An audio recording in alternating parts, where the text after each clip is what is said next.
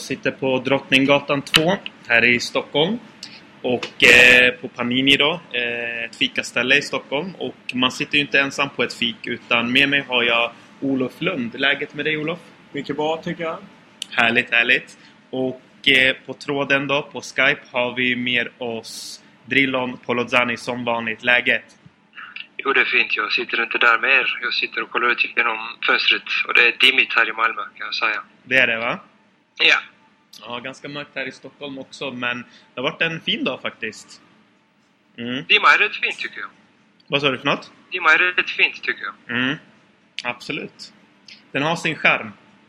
Eh, vi går vidare och eh, vi kör direkt in på körschemat då, Drylon. Vad säger du? Jag håller med. Mm. Vi får väl fråga Lund eh, lite mer här kanske. Precis, så är Om det. han är redo. Är du Absolut. redo? Mm. Jag är redo. Absolut. Grymt. Eh, en hel del Castilla-spelare har fått chansen av Benitez i de senaste matcherna då. Och eh, vi ser en hel del eh, spelare i startelvan som tidigare har rötter i Castilla. Eh, hur viktigt är det med egna produkter? Och eh, ja, var drar man linjen i att man måste vinna titlar som en stor klubb som Real Madrid är samtidigt så att man ska satsa då på egna produkter i akademin? Vi börjar med dig Drilon, Vad tycker du? Det är viktigt. Mm. Som det kan exempelvis vara ett billigare alternativ än att investera i spelare utifrån som med dagens marknad, speciellt om man heter Real Madrid, kan kosta skjortan om man säger så. Stämmer. Men gränsen går ju att, eh, där att eh, om, eh, om man inte har en bra akademi eller inte lyckas få fram bra produkter från akademin, då kan man ju inte spela med dem heller. Eh, Men det har sin charm, definitivt, att, att ha ett lag, inte bara egna produkter utan att ha en slags begränsning. Eh, Spelare bara från samma stad eller från samma land. Det finns många exempel. Vi har Barcelona under Guardiola, Real Madrid på 80-talet, La Quinta del, La Quinta del Buitre. Mm. 66 när Real Madrid vann Europacupfinalen. Eh, Endast eh, spanska spelare. Eh, Just den, den grejen varför jag också gillar eh, Bilbao, Athletic Bilbao. Mm. Eh, De har ju endast baskiska spelare. Stämmer. Även- om de nu är i lite gråzonen med Raúl Garcia. Lite gråzonen. Ja. Stämmer. Eh, Men, men det är charmigt och det kan också vara bra. Såvida man har bra spelare. Mm. Vad säger du Olof i just i, i det Ja, här men jag, alltså om det gäller Real Madrid så har man ju åtminstone fått bilden av att man har haft lite svårt att plocka fram spelare. Inte så att man inte har utbildat elitspelare som finns runt om i Europa. Utan mer att man har kanske svårt att få fram dem till sitt eget A-lag. Att man lätt fastnat stora stjärnor. Eh, Det var väl eh, för eh, då när Galacticos-eran när det talades om Zidane och jag glömt vad han hette. Som hade- Pavon. Pavone, ja precis.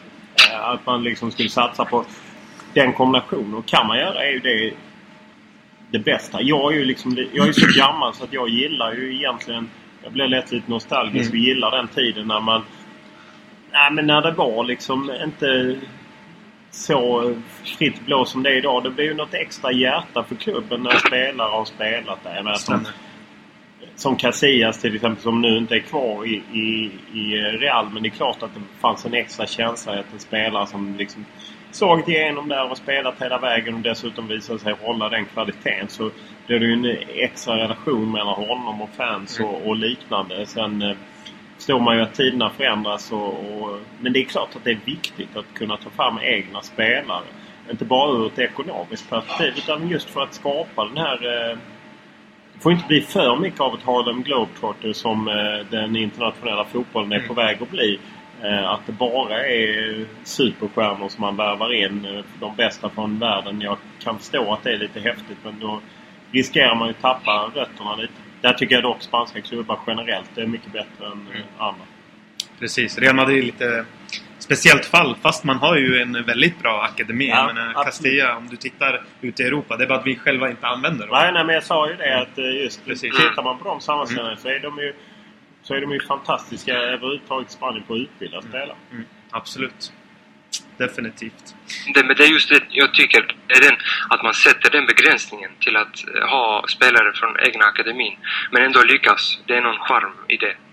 Om det lyckas. Ja, och det svåra, är, det svåra är ju för klubbar liksom som ja, sådana stora klubbar som Real Madrid eller Barcelona eller Bayern München. Eller att de just hela tiden har kravet att vinna ligatitlar. Att man då lätt hamnar i kläm. Mm. Ska man satsa på en egen Precis. spelare eller ska man gå på en stjärna? Mm. Och det är det som är så svårt. Det oftast brukar det vara en president eller en sportchef som ska lägga sig i ganska mycket. Då. Och det där är ju det är en eh, röd, ja, det är en fin tråd alltså. Det är väldigt svårt att hålla balansen. Ja, absolut. Mm. Absolut. Vi går vidare tycker jag. Eh, Drillon, eh, av de spelarna som du har sett som inte nu har varit ordinarie på ett tag i Real Madrid och vi har haft väldigt många skador. Eh, och jag tänker då främst på Vasquez, Isco och Jesse. Av de här tre, vilka tycker du har imponerat mest hittills? Alltså Isco är gränsfall att klassas som eh, icke-ordinarie, för han Mm. har trots allt varit ordinarie hela säsongen. Och, eh, Mm. Visst, hade James och Bale varit friska och i form så kanske Isco hade förviljats i bänken. Men eh, mellan Jesse och Vasquez, det är lite svårt att avgöra. Båda har imponerat. Mm. Jesse speciellt. Inte mycket på grund av poängen han har spelat in, för där leder Vasquez ju... Han har gjort flest assist i hela laget säsongen hittills. Mm. Senast mot Celta också, vilket var ett eh, viktigt assist. Men Jesse är lite känslig punkt hos oss madridistas. Han har eh, varit inne i en lång svacka. Mm. Och det känns som att han äntligen är på väg ut från det nu. Han visar riktigt goda tendenser. Det känns som att det, det behövs bara några matcher till. Så är han på den nivån igen. Det är lite, lite sista touchen som ska slipas till bara. Mm. Jag är mycket nöjd med hur Jesse har kommit tillbaka ur den gruppen. Precis, och det behövs ju. Han har ju kommit från en eh, väldigt svår knäskada då. Eh, Mm. Och Vasquez leder nu assistligan tror jag. Ja, Han har fyra assist va? Stämmer det? Precis, Mm. precis. Ja, men det är riktigt imponerande och vi får ju hoppas att eh, Benitez skapar en konkurrens. Det är ju jätteviktigt att göra det. Eh, har man inte konkurrens i ett lag så kan det bli lätt att vissa startspelare känner att man är det trots att vilka prestationer än som sker. Eh, och ja, Det blir lätt att man faller ur. Eh, ja, Ja, precis som det var i fjolåret under Ancelotti. Sist, hans sista år i alla ja, fall. men precis. Exakt så jag tänker. Mm. Olof, eh, du brukar ju intervjua stora spelare och eh, vad, vad är det psykiskt som måste stämma inför en sån stor match som Real Madrid-PSG? Vad är det de berättar? I- Generellt så kan man ju känna att de eh, ganska ofta är, är försiktiga med att säga någonting. Mm. Eller att man liksom... Ja, men man pratar om att man visst respekterar sina motståndare men eh, vi är här för att vinna eller så. Det känns som att man väldigt lätt fastnar, att spelaren väldigt lätt fastnar i liksom vissa fraser som man håller sig till. Så att jag kan inte säga att det finns någonting liksom som de lyfter fram som psykiskt måste, eller liksom någonting som de tycker måste stämma. Utan ofta är man ju rätt försiktiga kring eh, sådana här eh, matcher. Eh, för att det inte... Det hör till ovanligheten att någon kliver utanför och på något sätt säger någonting som drar till sig uppmärksamhet. Mm. Utan man snarare försöker tona ner det. Absolut. Vad säger du om det Drillon? Vad, hur kan en spelare bäst eh, förbereda sig inför en sån här match? Det är ju väldigt komplext egentligen men... Mm. Spelarna på den nivån, det enda som räknas är vinst egentligen. Mm. Och eh, hur mycket de säger eh, till Lund eller andra som intervjuar.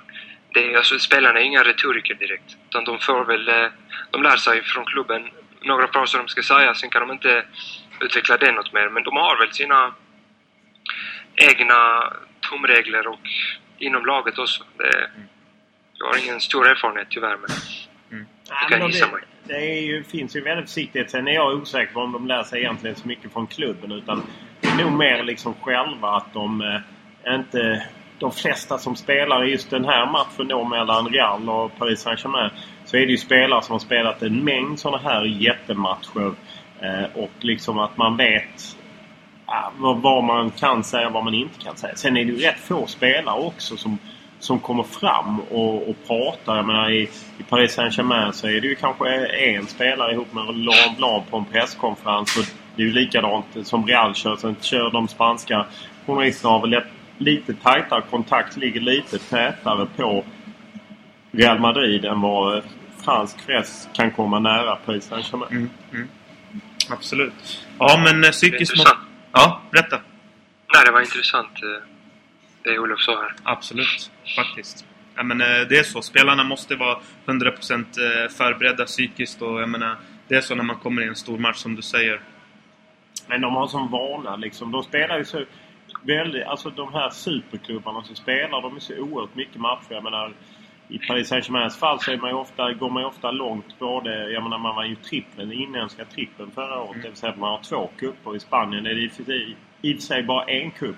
Sen har man ju nästan bara landslagsmän. Det vill säga att landslagsuppehållet går ju också åt till att eh, spela matcher. Så att... Eh, jag, ibland kan jag känna att vi i media kanske haussar upp matcher större än vad det är. Ja. För dem är det, det är klart att det är en viktig match att avgöra vem som vinner kanske den gruppen. Men det kommer hela tiden väldigt stora matcher. Bra sagt där.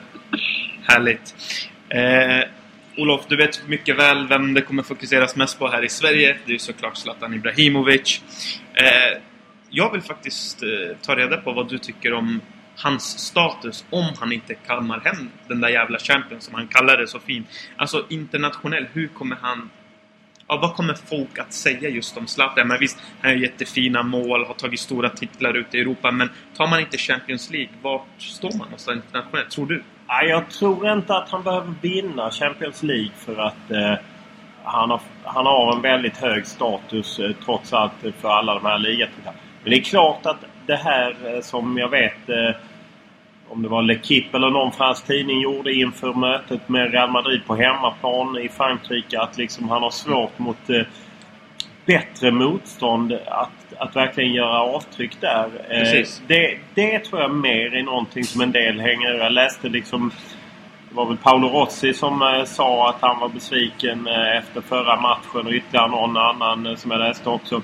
Så jag tror att det är klart att det tar ner lite att han inte har gjort jättemånga stormatcher mot riktigt bra motstånd. Mm. Eh, sen tror jag ändå att han har ett väldigt eh, gott och grundmurat rykte internationellt. Att eh, Den rad av ligatitlar som hans klubbar har vunnit är, och att han ändå gjort så mycket mål som han har gjort nu till slutet. Han har ju oturen kan jag tycka att spela mot kanske två av tidernas bästa i form av Cristiano Ronaldo och Lionel Messi. I en annan tid, eh, för tio år sedan, hade kanske Zlatan varit ännu större så att säga. Mm. Ja men alltså det, det ligger ju lite i det att om man inte lyckas vinna de allra största och finaste eh, titlarna så målar det på något sätt upp bilden på den spelaren. Vi har ju Messi som eh, inte har vunnit VM och frågan är om han kommer göra det någon gång. Det är många som har det som argument mot att han är den bästa genom tiderna. Vi har andra exempel. Eh, jag var inne på det innan. Real Madrid under 80-talet vann ju ligatiteln fem år i rad där lyckades aldrig nå Europacupfinalen trots total dominans i Spanien. Precis. Vi hade Butragueño och vi hade Hugo Sanchez som båda var fantastiska strikers. Hugo Sanchez räknas som Mexikos bästa spelare genom tiderna men ingen av dem vann någon stor titel. Och det är lite en liten fläck i registret på något sätt. Mm. Men trots allt så är fotboll ändå en lagsport. Det beror på extremt många faktorer om man lyckas vinna en stor titel eller inte. Mm. Eh, det är lite så, lite olika... Det beror på vilket perspektiv man har helt enkelt. Mm, absolut. Eh, vi kommer då in på den frågan rakt av. Eh, kan PSG vinna C-titeln då? Jag skulle väl säga att eftersom Zlatans kontrakt går ut i sommar så vinner de väl året efter eftersom det brukar bli så när han byter klubb. Utom i Milan-fallet. Men både Barcelona och Inter. Så att Ja, det är klart att PSG framöver kommer kunna utmana. De har ett väldigt bra lag i år. Mm. Det ska bli väldigt intressant att se om de kan gå hela vägen. Det är ju lite ett lotteri kan jag känna med de riktigt stora klubbarna beroende på om man blir ett eller två och vilken lottning man får eftersom det kan bli rätt fri lottning. Man kan få otroligt tufft motstånd rätt tidigt. Mm. Eh, men det är klart att jag tror inget lag känner att de vill möta Paris Saint-Germain mm Eh, så att eh, de har alla möjligheter att vinna men jag håller ju med dem som en outsider än som en av de kanske tre, fyra lagen som man tror ska vinna. Mm. Men tycker du att Zlatan tar för mycket plats i PSG? Var, Nej, den där det- diskussionen finns. Nej, det tycker jag inte. Nej. Alltså, det, du, jag kan väl lite vara ibland förvånad att, man, att Blanc hela tiden vill spela 4-3-3. Eller med, i varje fall med tre offensiva med Di Maria och Cavani och, och Zlatan. Men, Mm. eh, och det har väl aldrig det har väl inte stämt hundra mellan Zlatan och, och Cavani. Men Mm. det är ju också så... Alltså, jag tycker att man är så otroligt dåligt tålamod med Paris Saint-Germain. Därför att Se hur lång tid det tog för Chelsea att vinna Champions League. Eh, Abramovic plöjde in en massa pengar. Se hur det har gått för Manchester City som har plöjt in en massa pengar. Mm. Alltså det, det händer inte av en dag. Och, och jag menar förra året så vann PSG trippen och då var de ju totalsågade i januari. Mm. Eh, och man, det liksom spekulerades att Blanc skulle få gå och man skulle byta spelare och liknande. Ja, då vann de en inhemsk trippel. Nej, de vann inte Champions League. Och det är klart det är det man vill. Men jag tror, tycker man får ha lite mer tålamod. Men du Lund, alltså hur, hur, eh, hur mycket påverkar eh, konkurrensen i Frankrike PSGs chanser i Europa? Jag menar, franska ligan är inte, av, eh, är inte den bästa i Europa. Nej, men å andra sidan då borde väl Premier League-lagen dominera. Med tanke på konkurrensen i Premier League. Ja, och det suger, de suger just nu ute i Europa. Så att, och Bayern München, har. Bayern München har inte mycket konkurrens i Tyskland. Är väldigt bra i Europa. Det där är, jag tycker inte Barcelona och Real har jättemycket konkurrens i Spanien heller. Men visst, det, är, det kan ju vara ett dilemma för, för eh, Paris Saint-Germain att de har... Men jag tycker de klarade det bra förra året med liksom där de ändå vann allting inhemskt. Absolut. Jag, det, du var inne på det lite där med Blancs eh, strategi. Jag tycker det är lite för oflexibelt. Han vill spela med på samma sätt oavsett motstånd. Det här långsamma kortpassningsspelet. Vägrar att eh, spela direkt. Vi såg Real Madrid och Di Maria, en sån spelare som eh, hade stora problem med den matchbilden. Han var ute på flanken och sökte boll hela tiden men fick väldigt sällan eh, någon djupledsboll att gå upp. Men eh, tror ni att PSG kunna, kommer kunna locka spelare framöver? Jag menar, när blir det ett stopp att men nu projektet har pågått så pass länge att ja, man orkar inte längre? Eller finns det något sånt stopp? Det finns säkert ett sånt stopp men jag tror inte man är riktigt nära än. Därför Mm. att eh, man får ju ändå konstatera att det är fortfarande under upp... Ja, att de håller på att växa fortfarande och jag tror ju att eh, eh, spelare som tittar på det kommer ju titta på två saker. Är det en klubb som liksom tar kliv? Ja, det får man väl ändå säga att de har gjort hela tiden. Eh, sportsligt, även om de inte har nått hela vägen till Champions League. Och sen kommer spelare att titta på i lönekuvertet och där tror jag det är väldigt gynnsamt att gå dit. Så är det klart att det väger ner att det är en lite osexig i ligan men inte så mycket konkurrens. Men alltså kan Giovinco dos Santos åka till USA så kan också PSG fortsätta värva bra spelare. Mm. Det tror jag. Precis, och jag gillar Olof eh, Lunds eh, resonemang gällande att, jag menar, hur lång tid tog det egentligen för Chelsea? Prata om Real Madrid. Hur mycket har Perez pumpat in innan den tionde kom? Eh, Det var väl en 12-13 år eh, tills man vann Champions han League. Vad sa du? Bara Perez vet. Ja, precis. Ja, men det är så. Absolut. Thiago Silva. Eh, han har varit mycket i media. Pratat om Cristiano Ronaldo. Han säger att han hoppas att Jorge Mendes får igenom en deal. Hur viktig är en agent eh, i en övergång och hur kommer det sig att agenter idag har en sån makt i europeisk fotboll? För att det sägs ju att Mendes i princip styr Real Madrid. Olof, du kan ha lite mer insikt i det här. Ja, om Mendes styr Real Madrid eller inte kan jag inte säga. Men det är klart att Jorge Mendes eh, som har väldigt många spelare i sitt stall är ju väldigt inblandad. Och det är ju självklart att där känns det ju som att eh, de som följer Paris Saint-Germain närmare säger ju att PSG har gått mer mot eh, Jorge Mendes lutar sig mer mot från att i början lutat sig mycket min, mot eh, Mino Raiola, eh, Zlatans agent. Eh, har, hade ju, har ju även Maxwell och van der Fiel och eh, Matuidi har man ju också. Eh, Att man liksom kan ta, och det är klart att det är oerhört viktigt att ha eh, bra relationer med de eh, bästa agenterna eller bästa spelarnas agenter. För att eh, när det väl handlar om eh, skarpt läge så är, är det en, en viktig del. Varför de har mycket makt? Ja, därför att spelarna litar på dem. Att många spelare känner väl att det är inte eh, någonting de vill lägga kraft på. De behöver en agent. och och det gör ju att agenterna får en väldig makt. Sen ska vi inte tro att agenterna uttalar sig utan att spelarna är förankrade i det. Utan Mm. jag tror att om en agent gör eh, några tuffa uttalanden så tror jag att det är något spelarna känner till och står bakom. Mm. Drilon, vad du säga om just det här då? Alltså, spelarmarknaden är ju allt mer lukrativ för varje dag som går. Det blir dyrare köp, eh, mer pengar som binds i spelare, om vi får säga det i ekonomiska termer så här. Eh, och det gör automatiskt att agenterna får den makten. De har ju hand om spelare som kostar mycket helt enkelt. Absolut. Det ska bli intressant att se om Cristiano Ronaldo tar sig till PSG då. Jag tror inte det.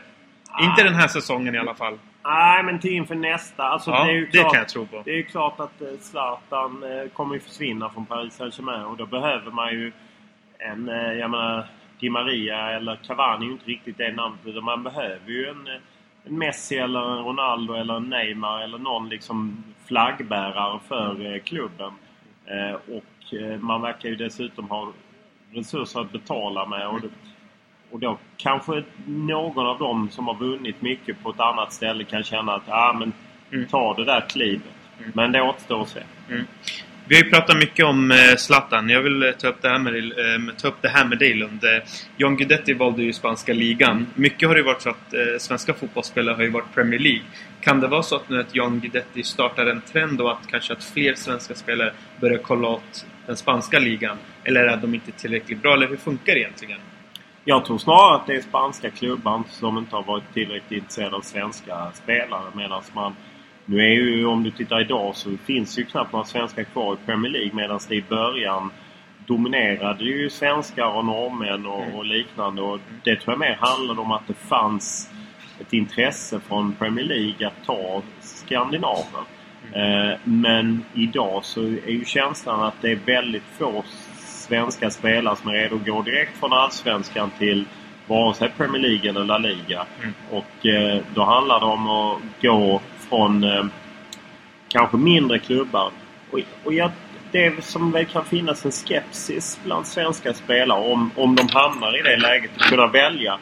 Så är det väl att eh, en del av de mindre spanska klubbarna har ju lite ekonomiska problem. Jag vet Kennedy Bakircioglu och Max Rosenberg har ju fortfarande inte fått pengarna av Racing Santander och de kommer bara få ut en del av vad klubben är skyldig dem och eh, det betalas ut under fem år. Och, eh, och där vet jag ju liksom att en sån Max Rosenberg efteråt berättade att fastän han hade gjort det bra i Santander och hade bud från Spanien så ville han ju bara tillbaka till Tyskland för att där funkade löner och liknande. Så att, det är möjligt att eh, Guidetti kan eh, göra även svenska spelaren en chans. Det vill säga att, att spanska klubbar kan säga att wow, där är en svensk spelare Mm. från U21-landslaget, Precis. A-landslaget som är intressant. Vi kan kanske titta på fler. Mm. För det hade varit jättekul att ha fler svenskar i spanska ligan. Eh, det har inte varit det på ett bra tag i alla fall. Senast var ju Kennedy och Rosenberg. Ja, alltså Daniel Larsson eh, var ju där eh, Mm. en sväng och eh, Henok Goitom har varit där och så var det Zlatan Ibrahimovic. Eh, men visst, rent generellt har det ju varit eh, dåligt med svenska spelare där. Men jag tror, det är liksom, jag tror inte det är svenska spelare som valt bort. Jag tror mycket också att det är spanska klubbar som inte har varit intresserade av svenska spelare. Absolut. Mm. Intressant. Vi går vidare och fokuserar ännu mer på matchen då tycker jag. Eh, hur kommer den här matchen att arta sig tror du Drillon? Vem kommer att föra spelet? Jag tror vi får en liknande matchbild eh, som i Paris. Mm. Jag tror inte det kommer vara någon drastisk skillnad utan vi har ju sett att Real Madrid, många menar att Real Madrid kommer föra spelet i, i större grad och anfalla mycket mer och så vidare men vi har sett att eh, vi har ett försiktigt Real Madrid hittills i säsongen Mm. och jag tror det kommer fortsätta på, den, eh, på samma sätt. Det, det skillnaden jag förväntar mig är att Real Madrid är lite mer risktagande Mm. framåt i alla fall. För att man spelar med publiken bakom sig, man är, man är på hemmamark. Vi har spelare som gillar den sortens spel. Marcelo älskar att eh, ta risker. Speciellt när han är ute och anfaller på sin eh, kant. Mm. Lite mer risktagande men annars eh, kommer man täta upp centralt, backa hem och låta PSG ha så mycket boll de vill ha. Men Mm. samtidigt så har vi att Paris vill inte ha så mycket boll heller. Det var, det var lite pendlande. Eh, periodvis hade Real Madrid mycket boll. Mm. Och PSG mycket boll. Men annars en liknande matchbild. Vad tror du Olof om matchen? jag, jag såg faktiskt inte den förra matchen eftersom jag följer Malmö i, i Champions League och de spelade samtidigt. Men det man läste var ju att eh, folk var väldigt missnöjda med matchen. Tyckte det var en tråkig match och så.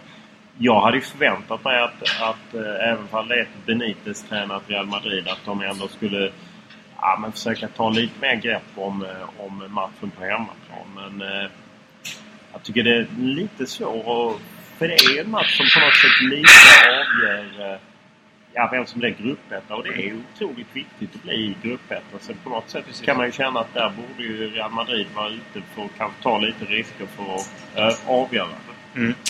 Jag tycker att Paris, det här långsamma tempot de kör med, jag tycker det passar Real Madrid. Jag tyckte att eh, de, de hotade aldrig riktigt eh, uppe i Paris. Mm. Utan det, det laget som hotade mest var Real Madrid. Mm. Och det var inte så mycket på kontringar utan i första halvlek var det ju spel mot ett mål där chanserna kom. Eh, och man får... Man ska vara försiktig med att inte lämna för mycket ytor bakom för PSG. För det finns trots allt en Di Maria där som är riktigt hungrig och antagligen vill han göra en show på Bernabéu. Absolut. Men jag tror i alla fall att inte Benitez kommer tillåta det. Nej. Nej, men Benitez kommer ju eh, absolut... Eh, han kommer ju se till att laget inte tar för många risker men man spelar nu på Santiago Bernabéu. Jag tror att man kommer ha en lite mer... Eh, ja, vara mer bollförande än vad man var i Paris. Och jag menar, nu har man tillbaka fler ordinarie spelare och det hade man inte mot Paris på bortaplan då.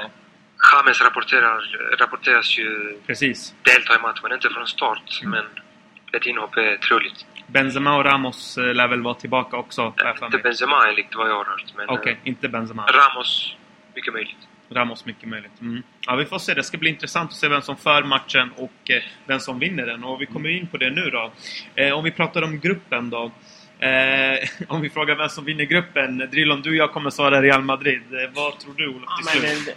Om, man, om man tittar utifrån hur läget är nu så känns det som att det är Real Madrid. Ja. Med tanke på att man klarar oavgjort borta mot Paris Saint-Germain. Och har rätt stor chans. För mig, jag skulle ju hålla dem som favorit på mm. hemmaplan mot Paris Saint-Germain. Och då, då skaffar man sig det greppet som gör att man antagligen vinner gruppen. Mm. Absolut. Drillon, du får svara om du vill. Ja, jag håller med där. Det, jag ju, det är det enda vi, vi har att gå på. Det vi ja. har sett. Så. Precis. Eh, om, ja? Ja, nej. Fortsätt. Absolut. Eh, om vi pratar om Malmö kan de ta den tredje platsen då? Ja, det, var ju, det var ju starkt att slå Shakhtar hemma. Däremot så kan man ju säga att de kan gräma sig lite att de inte vann klarare än vad de gjorde. Jag menar, de hade ju lägen att göra fler mål och det kanske de hade behövt nu på bortaplan. Eh, det blir en ja, spännande match. Jag menar, kryss så ser det ju otroligt ljust ut. Eh, och de ligger målskillnadsmässigt så ligger de ju betydligt bättre till om de skulle förlora med 1-0 till exempel. Men däremot så ska de inte gärna förlora med 2-1 för då har ju på något sätt då har ju de gjort fler mål. Så att... Eh, nej, det blir... Eh, Shakhtar är ju ett, eh, ett lag som man tycker borde slå eh, Malmö. Sen är det väl det här att spela i Lviv. De har inte varit jättestarka att spela i Lviv. De är ju, alla känner väl till historien att de egentligen Finns i Donetsk men måste lämna det på grund av oroligheter. Han tränar i Kiev och flyger in till Lviv till matcherna. Det är liksom svårt för folk i Lviv då, västra Ukraina, att ta dem till sig. Det har funnits en rivalitet däremellan mellan västra och östra Ukraina. Så att, eh, Ja, man har rätt god chans, måste jag säga. Mm. Så har, har det påverkat laget, eh, den här, den här situationen? Ja, det är klart det har. Med tanke på att de fick lämna sin hemstad och just bor i Kiev istället och tränar där och spelar matcher i Lviv.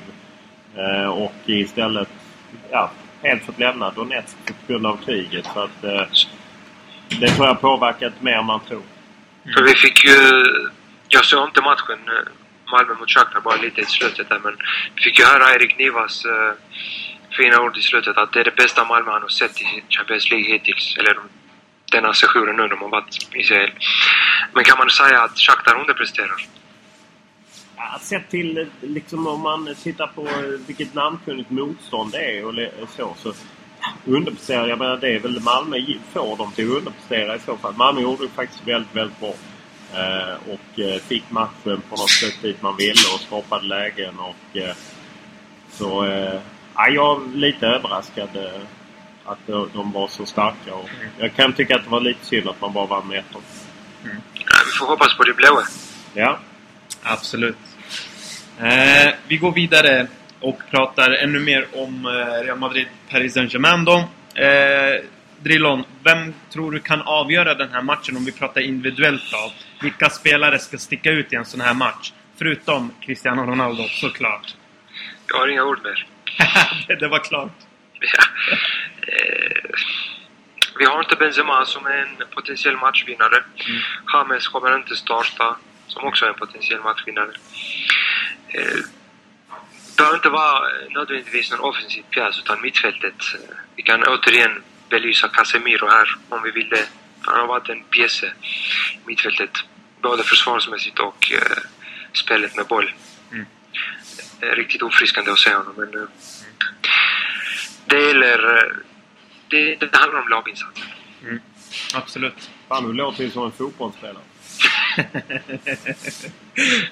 Politiskt korrekt. Ja, precis. Du- Vilka spelare kan sticka ut i matchen? Det handlar om en laginsats. ja, det är ju härligt. Eh, Det är Ja. precis det eh, Florentino Perez vill ha. Mm. Ett lag, inga stjärnor. Mm.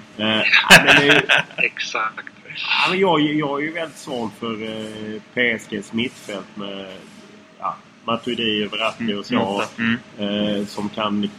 Sen undrar man om inte detta är en match om de kan eh, spela på kontring. Att Cavani är den som ja, men skulle kunna hota Mm. i djupled. Eh, en passning från Zlatan. Maria.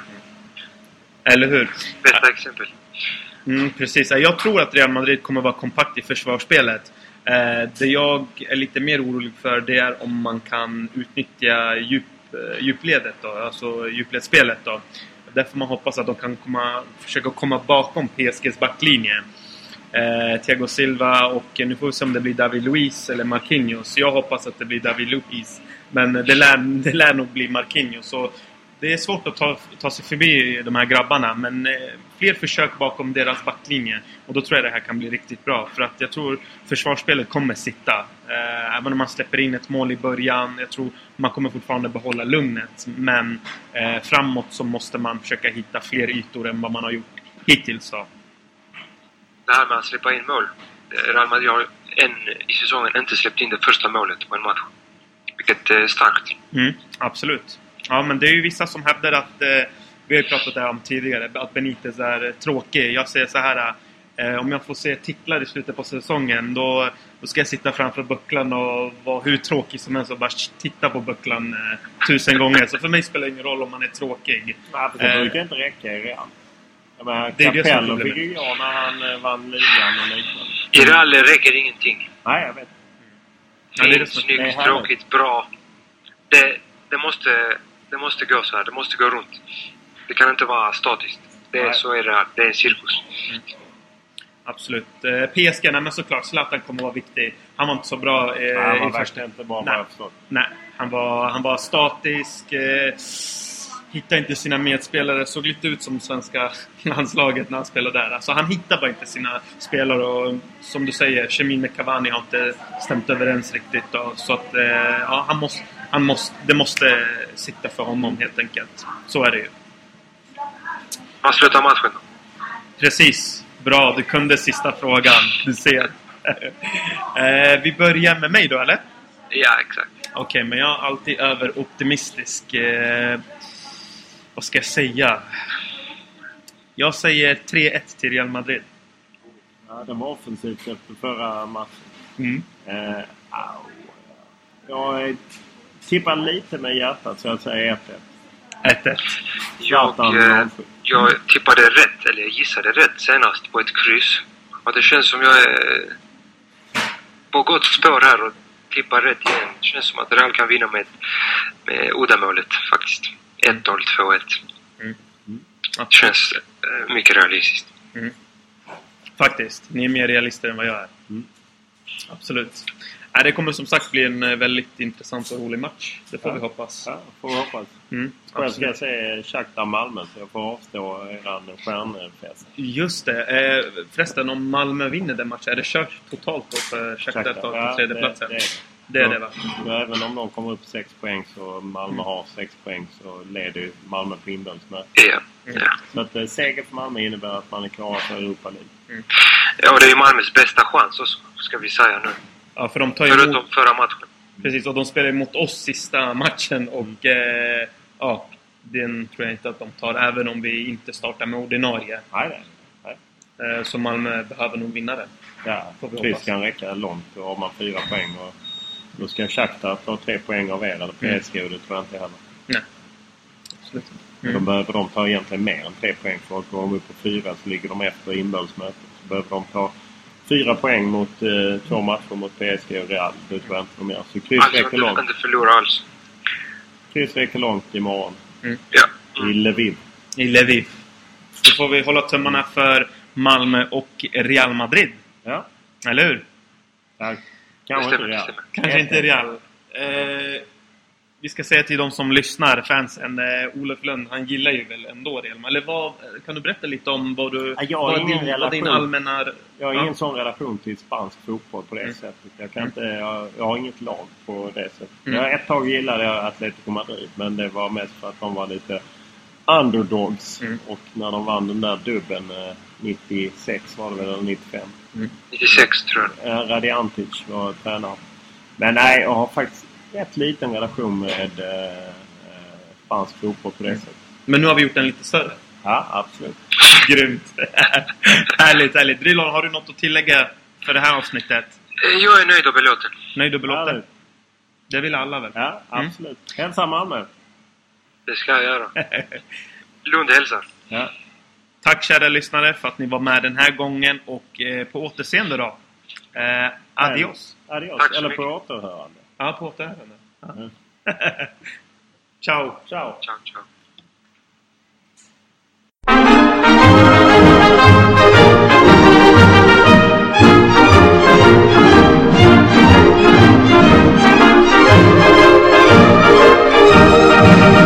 de las glorias deportivas que campean por España. Va el Madrid con su bandera, limpia y blanca que no empaña. Club castizo y generoso, todo nervio y corazón. Veteranos y noveles, veteranos y noveles miran siempre sus laureles con respeto y emoción. A la Madrid, a la Madrid, noble y bélico Atalid, caballero del honor. A la Madrid, a la Madrid, a triunfar en buena lid, defendiendo tu color. A la Madrid, a la Madrid, a la Madrid. A la Madrid, a la Madrid, noble y bélico Atalid, caballero del honor. A la Alamale, Alamale, Alamale.